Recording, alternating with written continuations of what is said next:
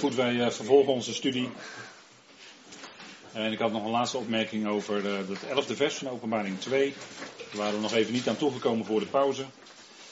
Maar ehm, dat woord voor overwinnaars, dat heeft natuurlijk wel een ehm, achtergrond in verband met de beruchte Nicolaïten, waarvan we de vorige keer gezien hebben dat dat ehm, de aanbidders zijn van het beeld van het beest en van het beest. Dat hebben we de vorige keer gezien, de Nicolaïten.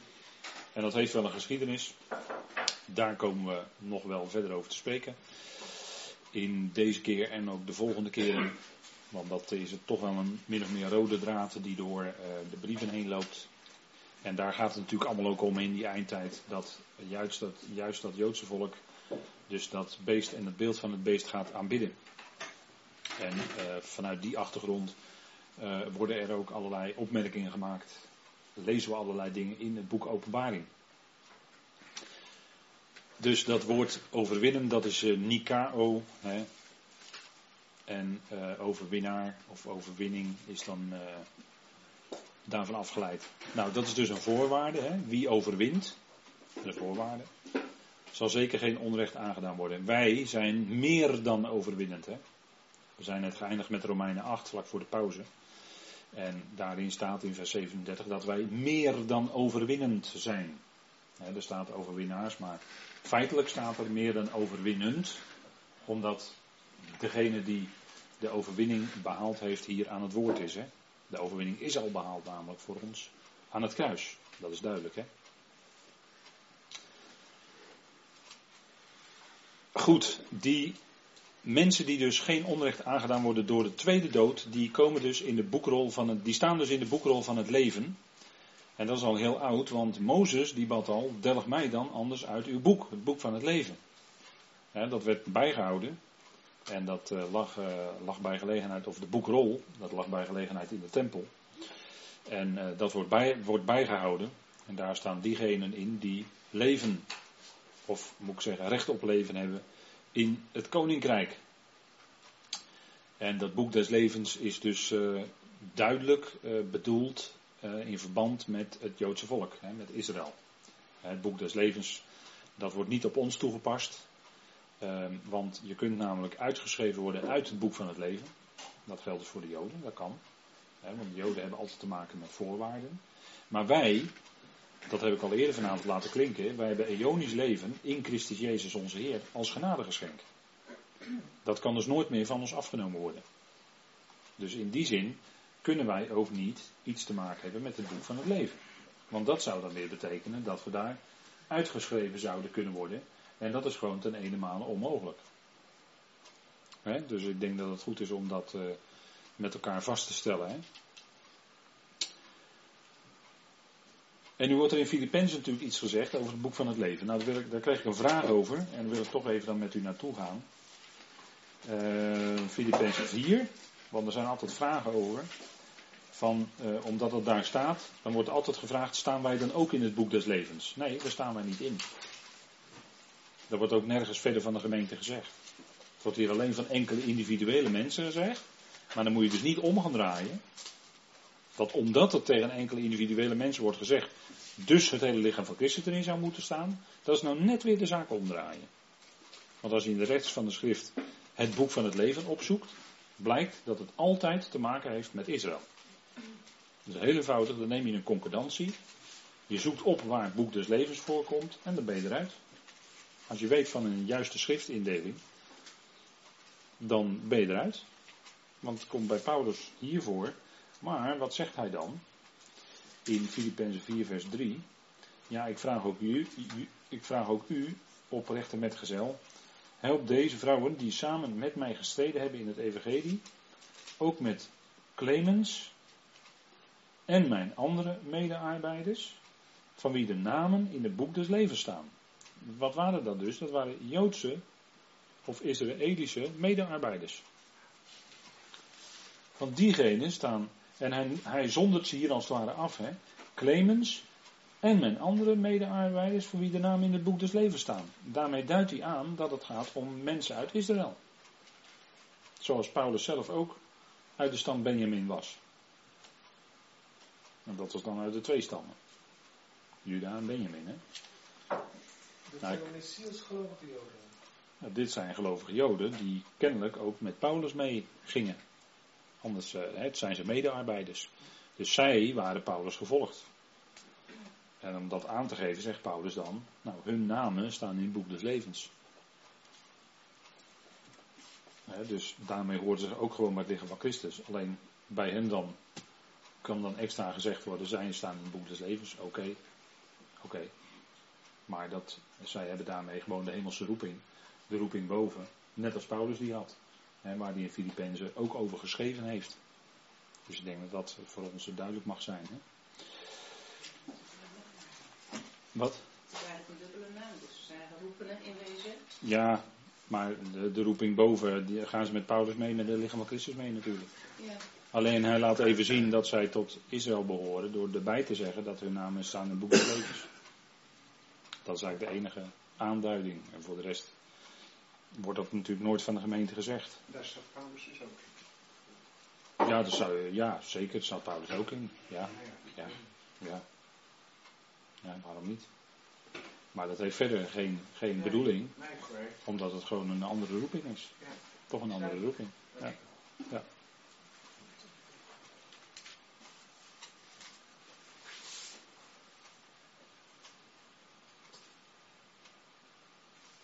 Ja?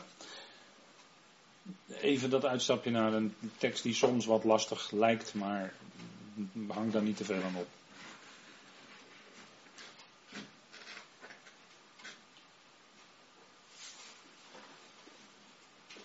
Dus degene die overwint, wordt dan gezegd in openbaring 2. Bij eh Smyrna wordt gezegd dat zijn degenen die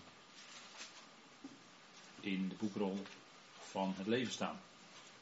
Dan gaan we naar Pergamum, dat is de volgende brief. Pergamus of Pergamum. En dan gaat het over Israëls tekortschieten. Pergamum.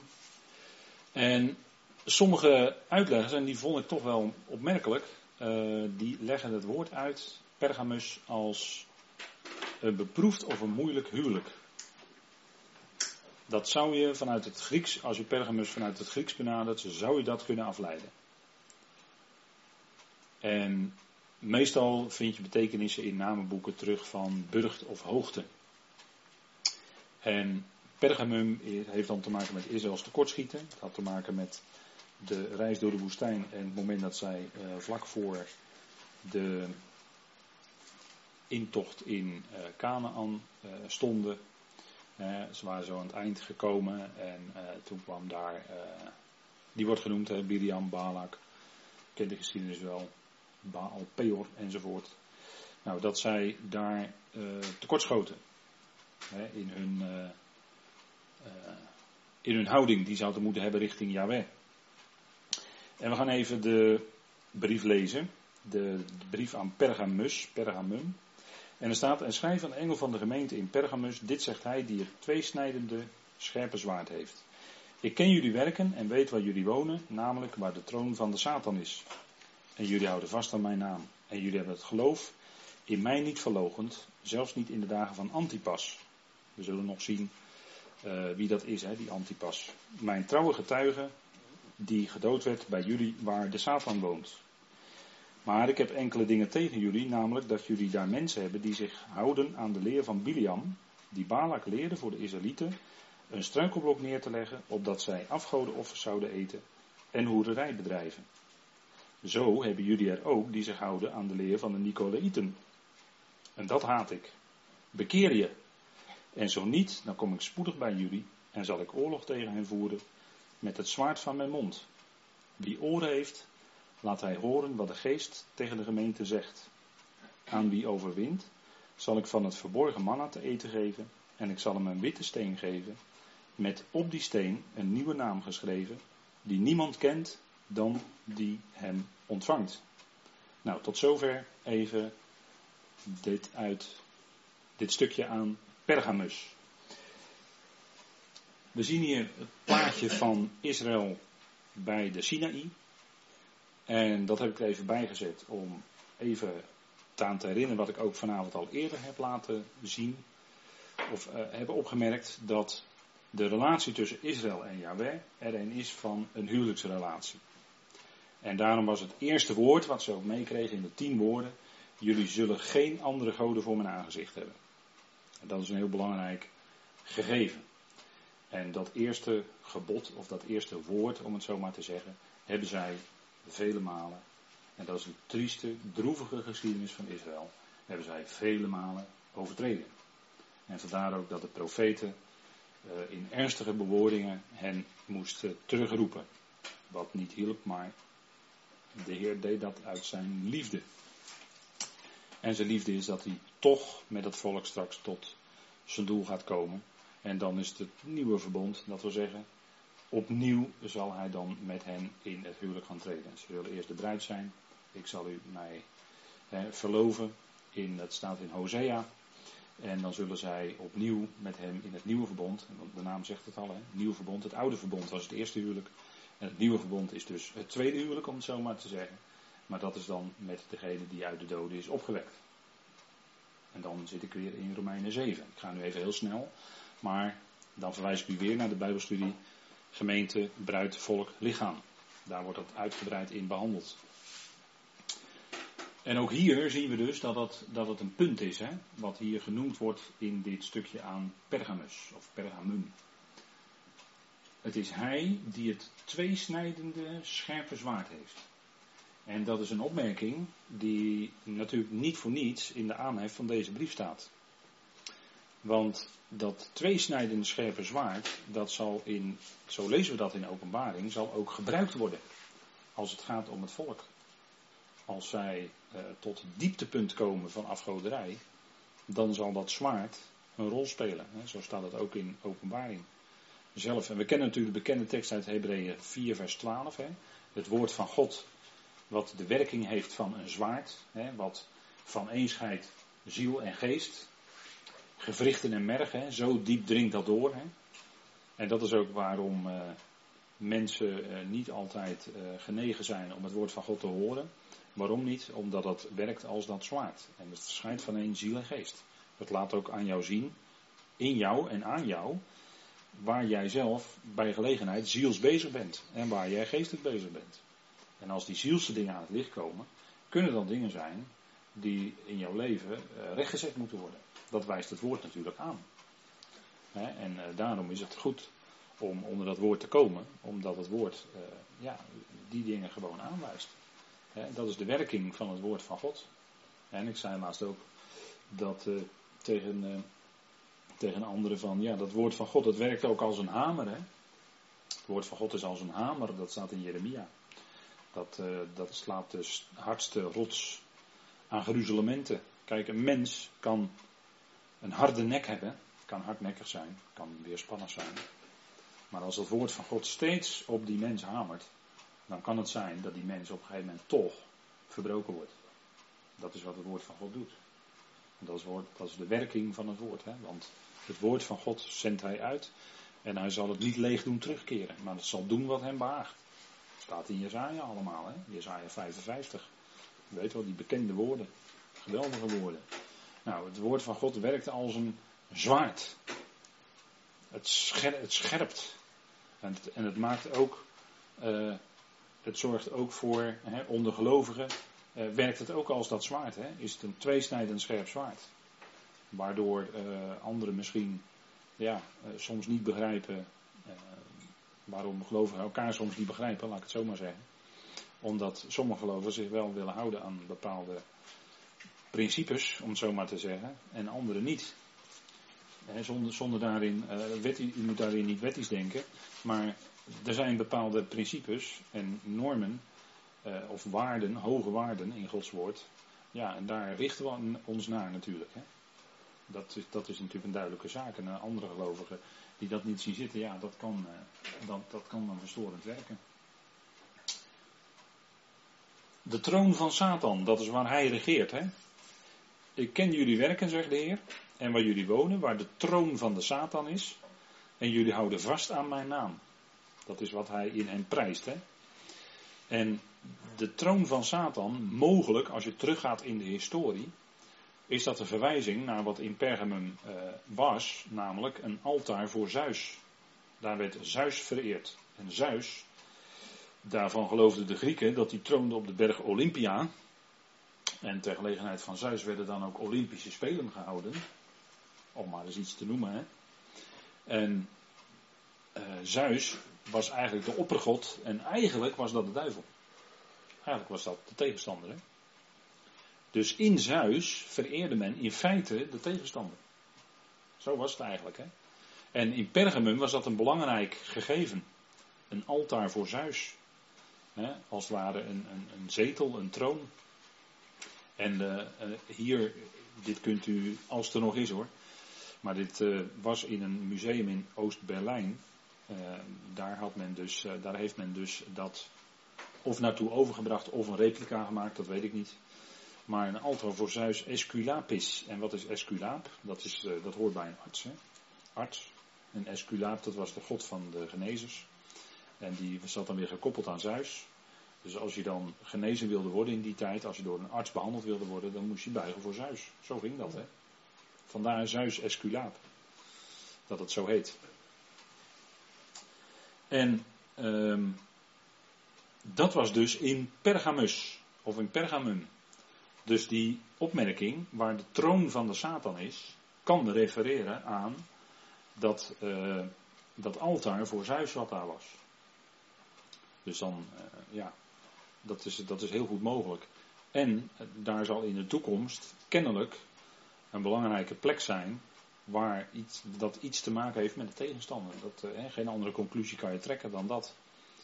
Het zal zo zijn in die tijd dat daar dus kennelijk de tegenstander op een speciale manier vereerd wordt of misschien wel dingen uitgevaardigd worden, wie zal het zeggen. Uh, troon is natuurlijk een, een uitdrukking van heerschappij, hè, van regering. Dus ja, dat, die, dat soort dingen kun je aan denken. En nochtans zegt de Heer dan van hen, die Joodse christengemeente die er dan is in de eindtijd, jullie houden vast aan mijn naam. Zij hielden vast aan de naam die redder is. Dus zij aanvaarden niet de tegenstander als hun redder.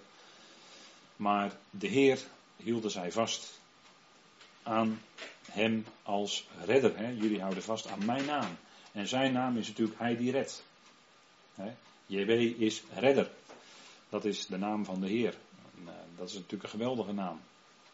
Zij hielden vast aan de naam die redder betekent. Hè, dat is wat voor de Jood ook de enige naam is. Hè, dat zegt Petrus ook in Handelingen 4. En natuurlijk voor iedereen, voor iedereen geldt dat niet alleen voor de Jood, maar voor iedereen, is dat de enige naam waardoor wij gered worden. De naam van onze Heer Jezus Christus. Dat is natuurlijk duidelijke zaak. Handelingen 4, vers 12. Maar ze hielden vast aan de naam die redden betekent. En dat is wel bijzonder in die tijd waarin de druk zo groot zal zijn. He, zij zullen dan ook bij gelegenheid niet meer kunnen kopen of verkopen. Moet je even bedenken wat dat betekent, hè? Wat dat gaat betekenen. Ze zullen niet meer kunnen kopen of verkopen in die tijd. En ze zijn dan volledig aangewezen op de Heer. Ook voor, waarschijnlijk voor hun letterlijk dagelijkse voedsel. En wat denkt u dan? He, dat dan het gebed, wat dat dan inhoudt, hè? Het, het koninkrijksgebed, zeggen wij. geef ons heden ons dagelijks brood. Dat zal dan een hele bijzondere betekenis krijgen hoor, in die tijd. He, uw koninkrijk komen. Wat denkt u ervan? Daar zullen ze naar snakken naar dat koninkrijk. Want dan zullen ze weer voldoende te eten hebben. He. Geef ons heden ons dagelijks brood. Denk er maar eens aan. He, dat dat uh, juist in die tijd een enorme betekenis zal hebben. Nou, antipas. Uh, letterlijk betekent dat vanuit het Grieks in plaats van allen. En misschien is dat wel een verkapte heenwijzing naar de Heer. Maar goed, het zal in die tijd iemand zijn die kennelijk als martelaar sterft. Hij zegt Antipas, mijn trouwe getuige, die zal gedood worden omdat hij trouw bleef aan de Heer. En zo zullen er in die tijd ook gedood worden, en heel wat gedood worden, die trouw blijven aan de Heer. veel christenen zijn in het verleden, hebben de martelaars doodgestorven, zoals dat dan heet. Zij moesten dan eh, op straffen van dood, of zij moesten het herroepen, of zij zouden sterven. Nou, zij kozen er dan voor om te sterven. Zij wilden hun Heer niet verloochenen. Hè. Of zij werden voor de leeuwen geworpen, of verbrand als fakkels in de tuin van Nero, enzovoort. Dat soort afschuwelijke dingen allemaal zijn uitgehaald met gelovigen. Nou, in die tijd zal het ook weer wereldwijd heel ernstig zijn. En dan met name Joodse gelovigen, die niet willen buigen, die zullen gedood worden. Antipas is er een van. En die wordt als voorbeeld gesteld voor hen. En hij zegt ook, jullie hebben het geloof in mij niet verlogend. Zelfs in de dagen van Antipas, mijn trouwe getuige, die gedood werd bij jullie, waar de Satan woont. Wordt nog eens een keer herhaald, hè? waar de Satan woont. Hij troont en woont daar. Op een of andere manier toch in de toekomst weer een belangrijke plek. En wat is, eh, hier wordt al gezegd dat de Satan daar woont en troont. Hè? Maar wat is Babel? Want Babel speelt natuurlijk dan in die eindtijd ook een hele belangrijke rol. Het zal namelijk de wereldhoofdstad zijn. De hoofdstad van het antichristelijke eh, wereldrijk, om het zo maar te zeggen. Wat is Babel volgens de schrift? Babel is het hart van de tegenstander. Dat staat in Jeremia, en wil ik even met u opzoeken.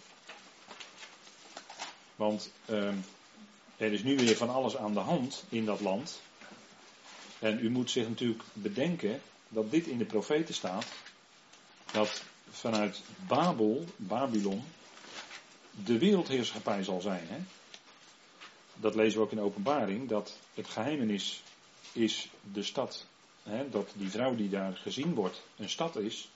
En die stad die heeft een koninkrijk op of over de koninkrijken van de aarde. Dus wereldheerschappij, hè? daar gaat het om. Dus dat is een hele belangrijke plaats. En daarom is er al vele jaren onder onze ogen heel veel aan de hand in dat land waar Babel in ligt. Waarom denkt u dat dat is? Er is zoveel onrust daar. Waarom denkt u dat het is? Het draait allemaal om Babel. Daar is het hart van de tegenstander. Dus daar is veel geestelijke activiteit.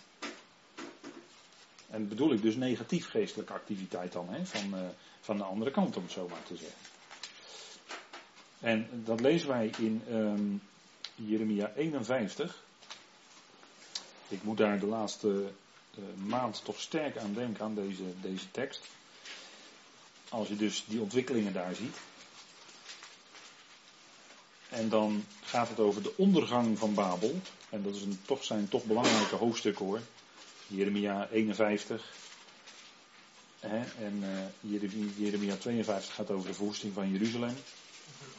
Wat natuurlijk in de eindtijd ook weer gaat gebeuren. Maar uh, Jeremia 51 gaat over de verwoesting van Babel. En dat moet u maar eens lezen. En dan daarnaast openbaring 17 tot en met 19. Dat zijn hoofddingen die u naast elkaar moet leggen in de schrift. Want die horen bij elkaar. Dat gaat over dezelfde dingen. En dan zegt de Heer in Jeremia 51 vers 1. Zie, ik ga een stormwind, let op het woord wind, hè, want dat is uh, ook geest, hè, kan ook geest betekenen opwekken die te gronden richt. Tegen Babel en tegen de inwoners van Leb Kamai. En wat betekent Leb Kamai? Dat betekent het hart van mijn tegenstanders. Dus Babel is het hart van de tegenstanders. En die tegenstanders worden natuurlijk aangestuurd door de tegenstander van God. En daarom is al wat afgoderij is en wat zich tegen God keert, dat heeft met Babel te maken. Van oudsher. Babel is de eerste stad hè, waar men tot eenheid wilde komen en men eigenlijk, hè, wat Psalm 2 zegt, de touwen of de banden van een af wilde schudden en zich wilde verenigen tegen God. Dat was Babel. Genesis. Dat lezen we al heel vroeg hè, in de schrift hoe dat zit. En die lijnen komen dus van Genesis helemaal uit in openbaring. Zoals er zoveel lijnen vanuit Genesis beginnen en in openbaring uitkomen. dat zijn de lijnen van de schrift. Tegen de inwoners van Leefkamai, dus het hart van mijn tegenstanders. Ik zal op Babel wanners afsturen, zodat ze het zullen wannen. U weet wat wannen is, hè? Dorsen. Dorsen. Graandorsen. Zodat het kaf, het kaf moet weg, hè? En zijn land leeghalen, want ze zullen van alle kanten tegenover staan op de dag van het kwaad. Dan is die dag gekomen waarop Babel voor eens en voor altijd vernietigd gaat worden. Het zal voor eens en voor altijd zijn. Het zal nooit meer terugkomen, Babel. Nooit meer. Laat de boogschutter zijn boog spannen tegen wie de boog spant en tegen wie zich in zijn panzer verheft. Spaar zijn jongeman niet. Sla heel zijn leger met de ban. Dat is, dat, dat is gewoon doodmaken, doden. De gesneuvelden liggen in het land van de Galdeën. Dat is het, hè? Het land van de Galdeën. Wie doorstoken zijn in, de in zijn straten. Want Israël nog Juda wordt als weduwe achtergelaten door zijn God, de Heer van de legermachten. Al is hun land vol van schuld tegenover de heilige van Israël. Vlucht weg uit het midden van Babel. Laat ieder zijn leven redden. Wordt in zijn ongerechtigheid niet verdelgd. Want dit is de tijd van de wraak van de Heer. Hij vergeldt wat het verdient. Babel was in de hand van de Heer een gouden beker. Die heel de aarde dronken maakte. Van zijn wijn hebben de volken gedronken. En daarom gedragen de volken zich als een waanzinnige. Doet u, doet u dit denken aan openbaring 17? Mij wel. Dit staat in openbaring 17. Hè? Dat is die gouden kelk die die vrouw in de hand heeft. Daar drinken al die volken uit. Hè? Die gouden kelk. Dat wordt hier al gezegd hè, in de profetie. Hè? Dus in Jeremia staat het gewoon al. Hè? Een gouden beker wordt daar een gouden kelk genoemd. Dat is hetzelfde.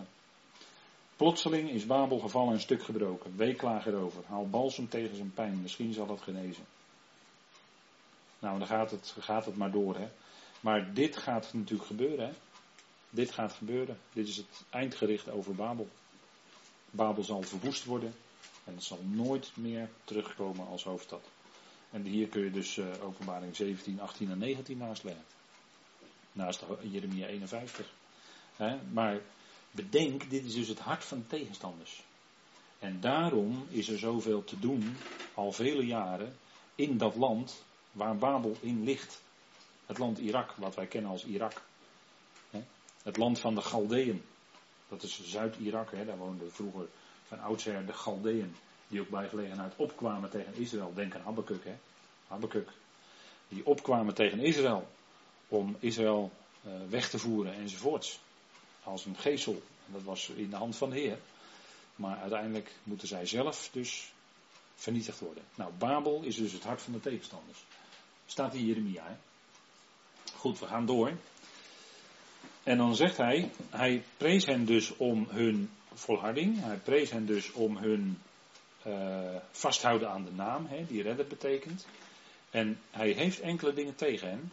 Namelijk, daar jullie daar hebben, dus die, waren, die zijn dan, zullen dan in hun midden zijn. Dat zijn waarschijnlijk die valse joden hè, ook. Die zullen ook daar waarschijnlijk wel zijn, net als in Smyrna.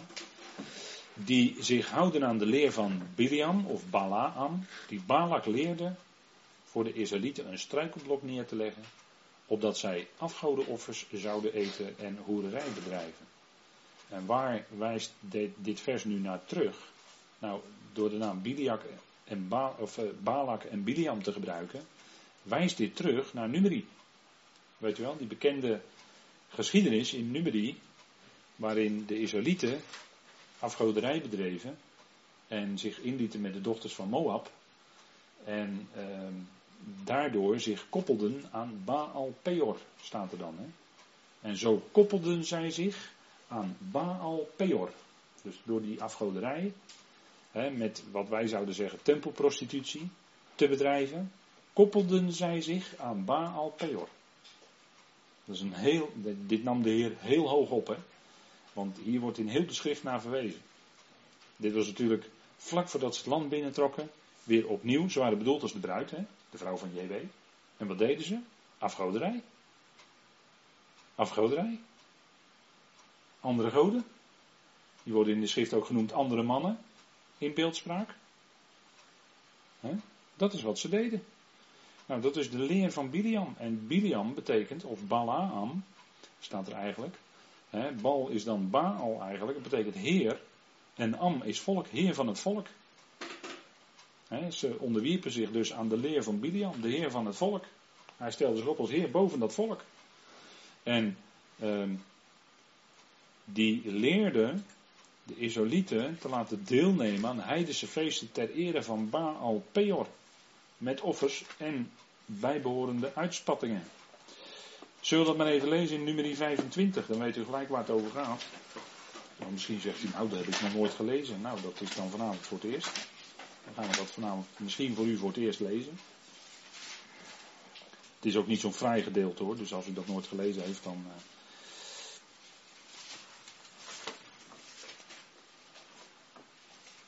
Maar het is wel een gedeelte wat je moet lezen om dus de achtergrond van deze opmerking te kunnen zien. Hè? En dit verwijst ook direct naar wat in de volgende brief gezegd wordt van Izebel. Daar gaat het om hetzelfde. Hè? Kunt u daar van de zomer alvast wat over nadenken. Hè? Bij de volgende Thyatira is dat. Dan gaat het over Izebel. En dan zegt u nou Izebel, dat was me er eentje. Nou inderdaad, ja, dat was me er eentje. Dat was wat hoor, Izebel en Agap. Hè? Als u die geschiedenis in Koningen leest. Dat, uh, dus, maar goed, daar gaan we de, de andere keer, de volgende keer over uh, spreken. Um, nummer 25, daar gaat het over Israël verbleven in Sittim. En Sittim is bij de grens van het land, hè. u ziet het ook op het kaartje daar.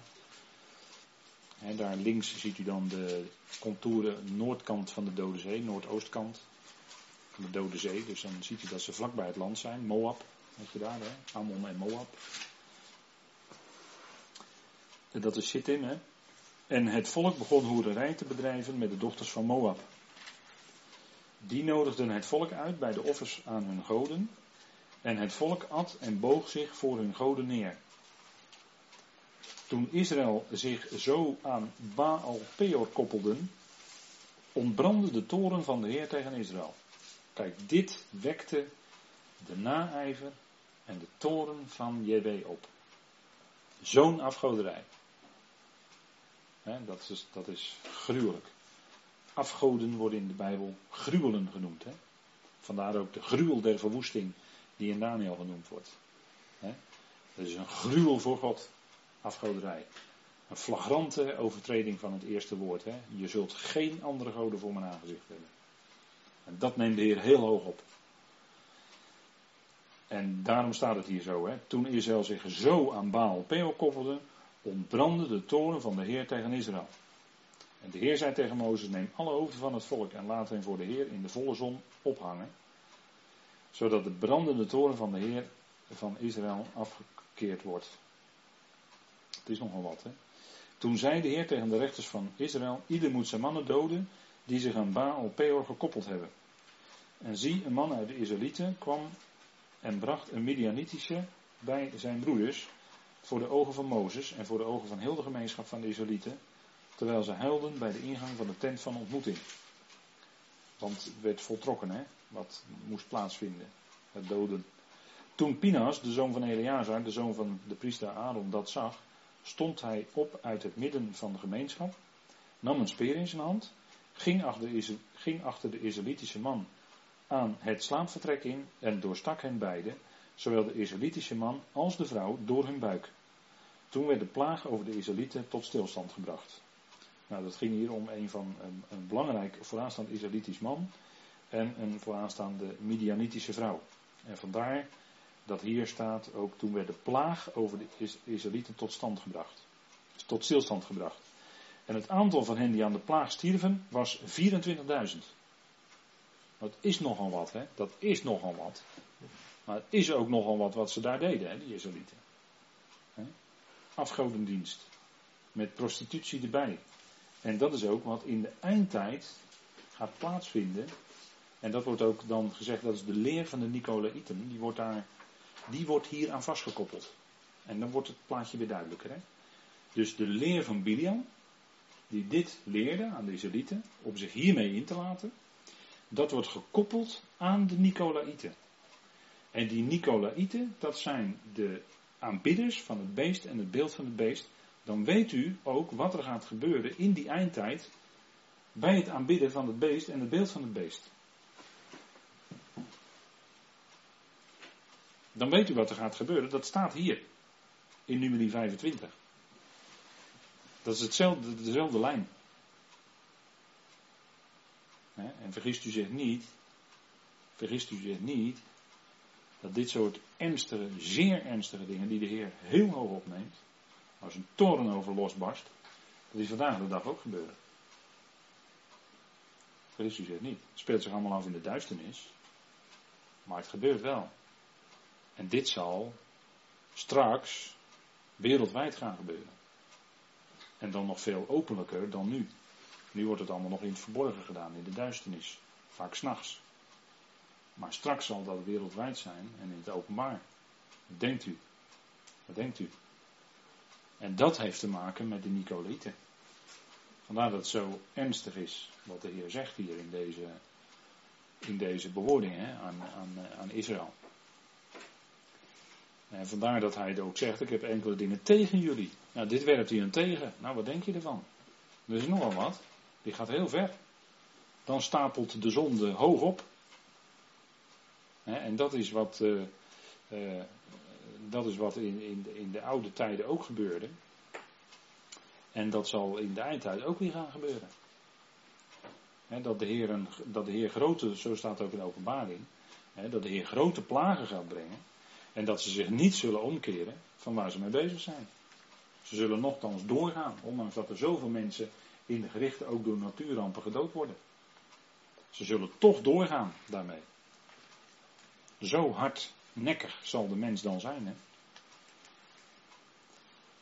Um, nummer 25.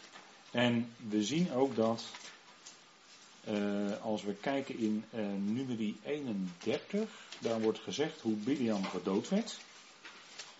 Want dan krijgen we te maken met dat zwaard. Hè? De Heer die dit zegt, die heeft een tweesnijdend scherp zwaard, weet u wel? Die heeft een tweesnijdend scherp zwaard. En Biliam werd gedood door het zwaard. Dat staat in nummer 31 vers 8. Nummer 31 vers 8.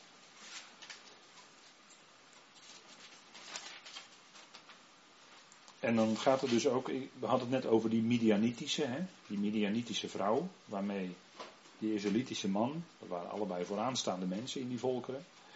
En dan staat er in nummer 31 vers 7, en zij streden tegen Midian, zoals de Heere Mozes geboden had, en zij doden al wie mannelijk was. Behalve hen die door hen verslagen werden, doden zij ook de koningen van Midian. Evi, Reken, Zur, Hur en Reba, de vijf koningen van Midian. Ook doden zij Biliam, de zoon van Beor, met het zwaard. Dus je ziet dat Biliam gedood wordt met het zwaard. En uh, zo wordt er ook eh, verder naar terugverwezen in de schrift dat hij dus op die wijze aan zijn einde kwam. En vandaar, omdat hier dus door de Heer gerefereerd wordt aan die geschiedenis, is hij die dit uitspreekt, heeft dat tweesnijdende scherpe zwaard, begrijpt u?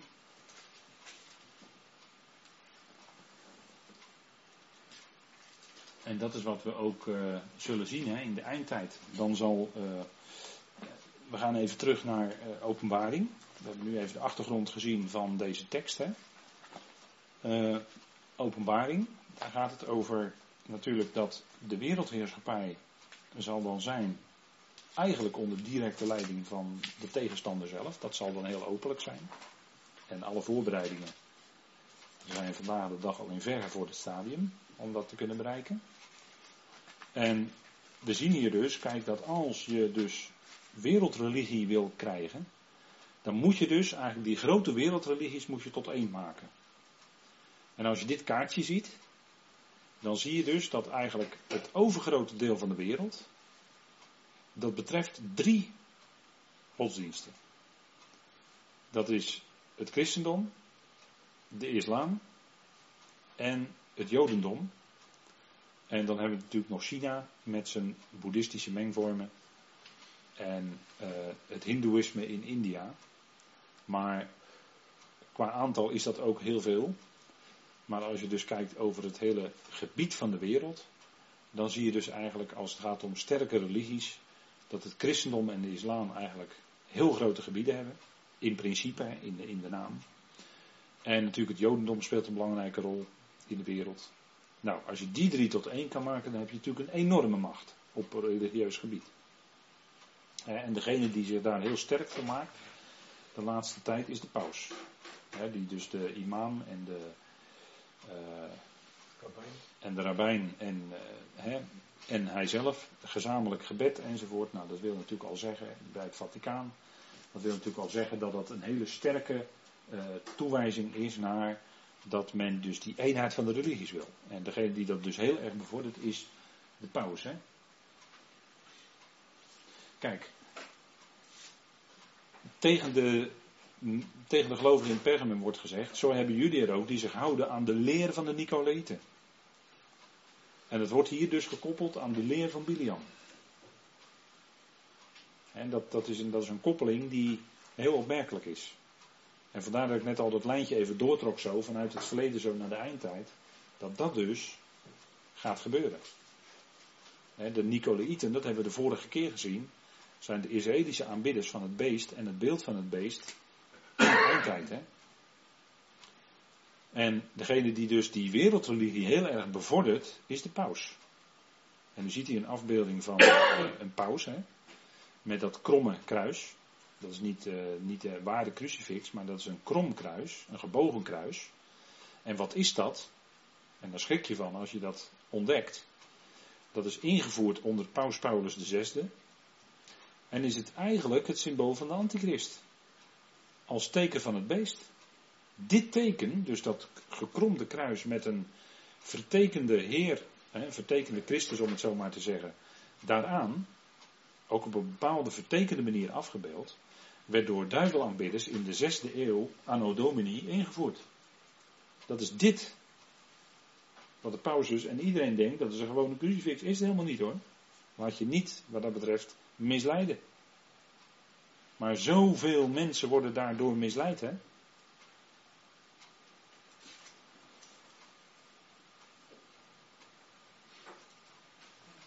Ja. Hoe, hoe, uh, hoe de paus zelf dan dat, uh, dat kruis?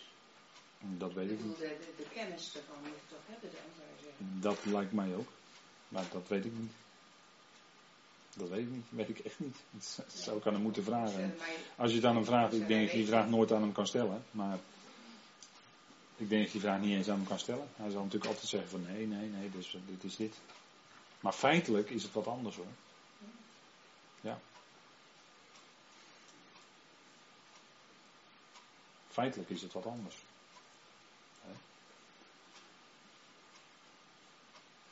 En juist die paus, hè, die, die, die als het ware van de moederkerk, die, die heeft natuurlijk eh, hè, dit, dit als symboliek hier. Dit, is, eh, dit gebeurde ook bij zijn inwijding. Hè. Toen hij eh, paus werd, als paus ingewijd, hield hij juist dit vast. En wat denkt u van de mijter die hij op heeft?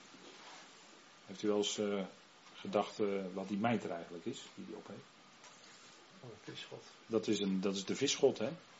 Dat is, als je, het, als je het ziet, is het een open bek van een vis. En dat verwijst naar de visgod Dagon, die wij kennen uit de Bijbel, van de Filistijnen. Ja, dat is hetzelfde hoor. Dat is precies hetzelfde. Die ziet u dan helemaal links afgebeeld, in dat bruinachtige kader. Dat is een, eh, een mengeling van een mens en een vis. Dat is de visgod Dagon. Die heilig water, let op hè, die heilig water sproeit. Zo hè? Ja, ja, ja, ja, denk, denk erom hoor. En u ziet hier ook links op dat andere plaatje. Hè, die mijter is een open visbek, beeld van de god Dagon door de Filistijnen vereerd en door JW als gruwel veroordeeld. Lees maar na in de schrift, het staat er allemaal. De ark werd binnengebracht en de, was nog, hij was net binnen en die, die god die lag in gruzelement op de grond. Hè, afgodsbeeld van Dagon. En dan is daar de godin Cybele, die heilig water sprengt. En dat zie je dan ook op dat plaatje. De afbeelding van een figuur met zo'n mijter op ook doen. En dat verwijst dus naar de visgod. Die uiteindelijk afkomstig is uit Babylon. Kan ook niet anders. Hè? En hiermee zie je dus. Nu heb ik twee dingen laten zien. Maar hiermee zie je dus dat dat systeem en de symbolen uiteindelijk van Babylonische oorsprong zijn. En u kunt daar nog veel meer dingen in ontdekken hoor, als u zich daarin gaat verdiepen. In die hele, dat hele Rooms-Katholicisme en de kleding die de paus aan heeft. Nou, zijn mijter is ook een heel duidelijk voorbeeld. Hij verwijst naar de visgod Dagon. Heeft niks met christen, christelijk geloof te maken, helemaal niks.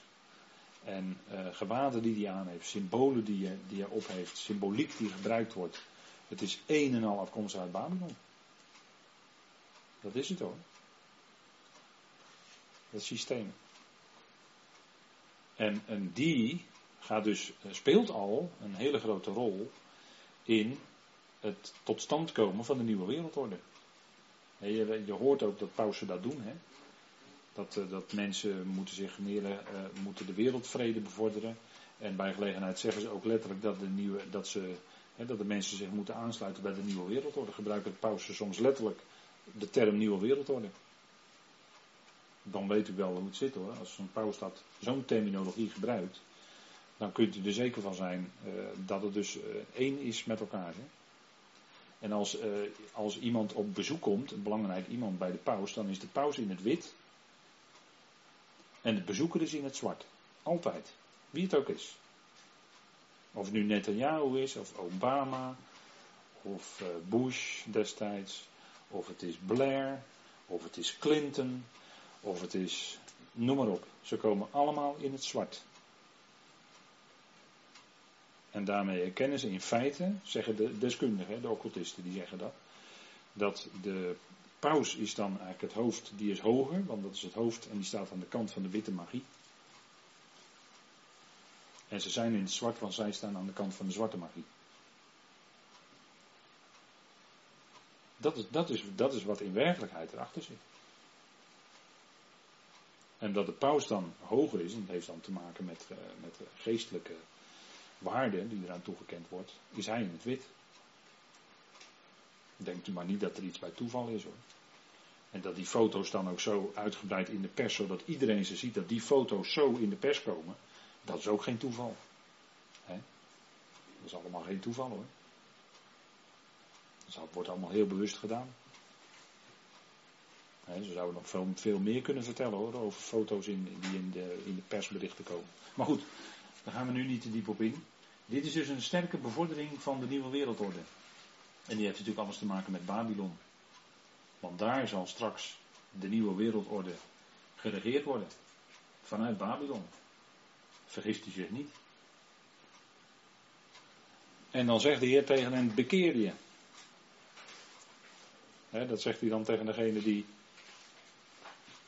meegaan, al meegaan of dreigen mee te gaan met, uh, ja, met het systeem. Wat er dan is. Buigen voor het beest enzovoort.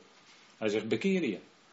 En zo niet, dan kom ik spoedig bij je en zal tegen hen oorlog voeren met het zwaard van mijn mond. Hier weer dat zwaard, hè. Waarmee Biliam gedood werd. Die werd gedood met het zwaard.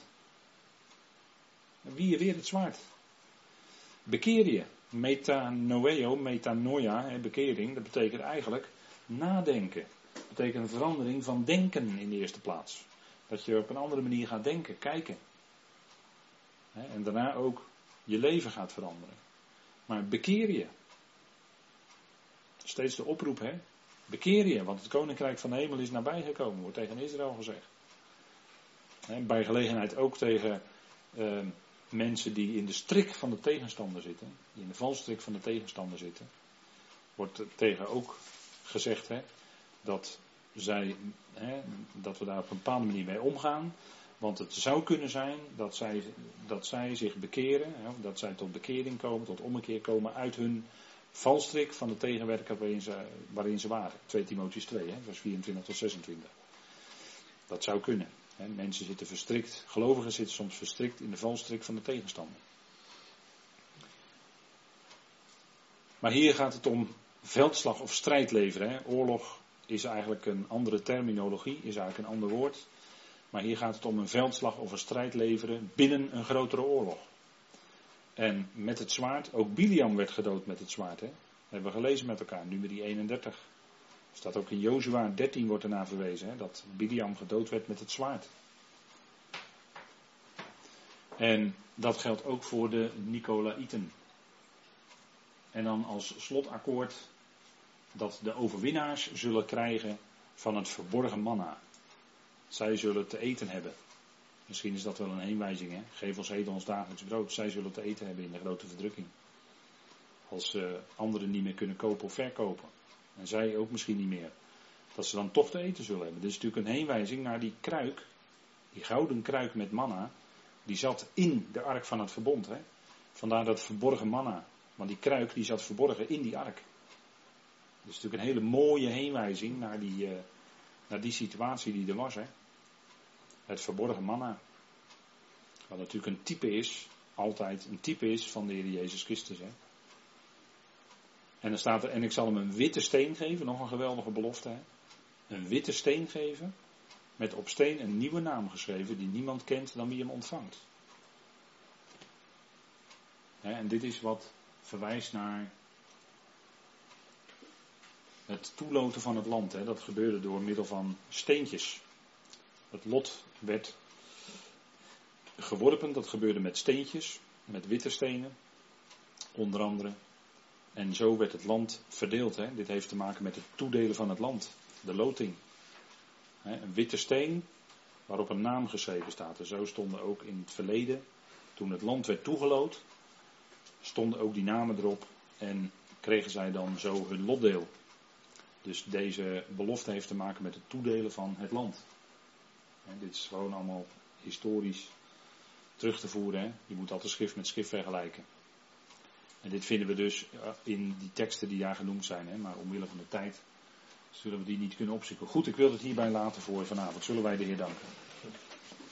Trouwe Heer, we danken u dat we zo vanavond hier bij elkaar mochten zijn. Weer rondom uw woord geschaard. Met veel informatie misschien die we meekregen.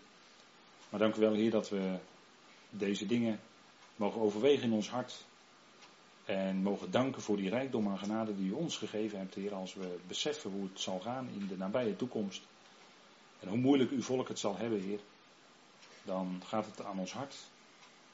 Heer, en dan zijn we des te dieper dankbaar dat u ons die genade heeft gegeven. Want het is alleen uw genade, het is alleen uw genade. Dat wij leden zijn van het lichaam van Christus. Heer, wat is dat geweldig. Dat wij een eerdere verwachting hebben dan Israël. Zij zullen door die hele moeilijke tijd moeten van verdrukking. Vader, en wij begrijpen misschien ook niet altijd waarom u ons dat bespaart. Maar het is geweldig, Heer, dat wij voor die tijd geroepen worden. Vader, dank u wel. Dank u wel voor die genade. Dank u wel dat wij dat leven hebben ontvangen in Christus Jezus. Eonisch leven. Wat nu al in ons werkt door uw geest. En dank u wel, Heer, dat we zien aan de ernstige voorbeelden uit uw woord. Vader, en mogen wij daar dan leringen uit trekken. Heer, al die dingen zijn ons tot voorbeelden geschreven. Opdat wij, zegt Paulus, geen lust tot het kwade zouden hebben. Vader, dank u wel dat wij daarvoor bewaard blijven. Niet omdat wij zelf zo sterk zijn, maar omdat u ons de kracht geeft. En omdat u door uw geest in ons werkt.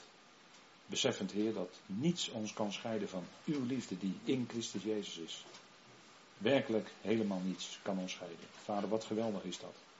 We danken u voor die genadevolle woorden van de apostel Paulus, waarin we ons dagelijks mogen koesteren en voeden met die woorden van het geloof en van de uitstekende leer. Vader, dank u wel dat u ons zo opbouwt en bemoedigt. Heer, te midden van al deze dingen, zeer ernstige dingen die we over Israël lezen. Vader, maar mogen het nooit vergeten als een aansprekend voorbeeld voor ons. Vader, dank u wel dat u ons daarin bewaren wilt en bewaart. Vader, dank u wel dat we u mogen danken voor uw trouw, goedheid en liefde. Dat u ook zo deze avond uw woord in ons midden wilde neerleggen. En vader, dank u wel dat we mogen opzien naar u. Ook voor de komende dagen. Wees ons genadig nabij, Heer. En beveel onszelf bij u aan. Wetend, Heer, dat u ons nooit begeeft en nooit verlaat. Maar dat u uw armen onder en rondom ons heeft. We danken u voor die liefde. In de naam van uw geliefde Zoon, onze Heer Jezus Christus. Amen. Amen.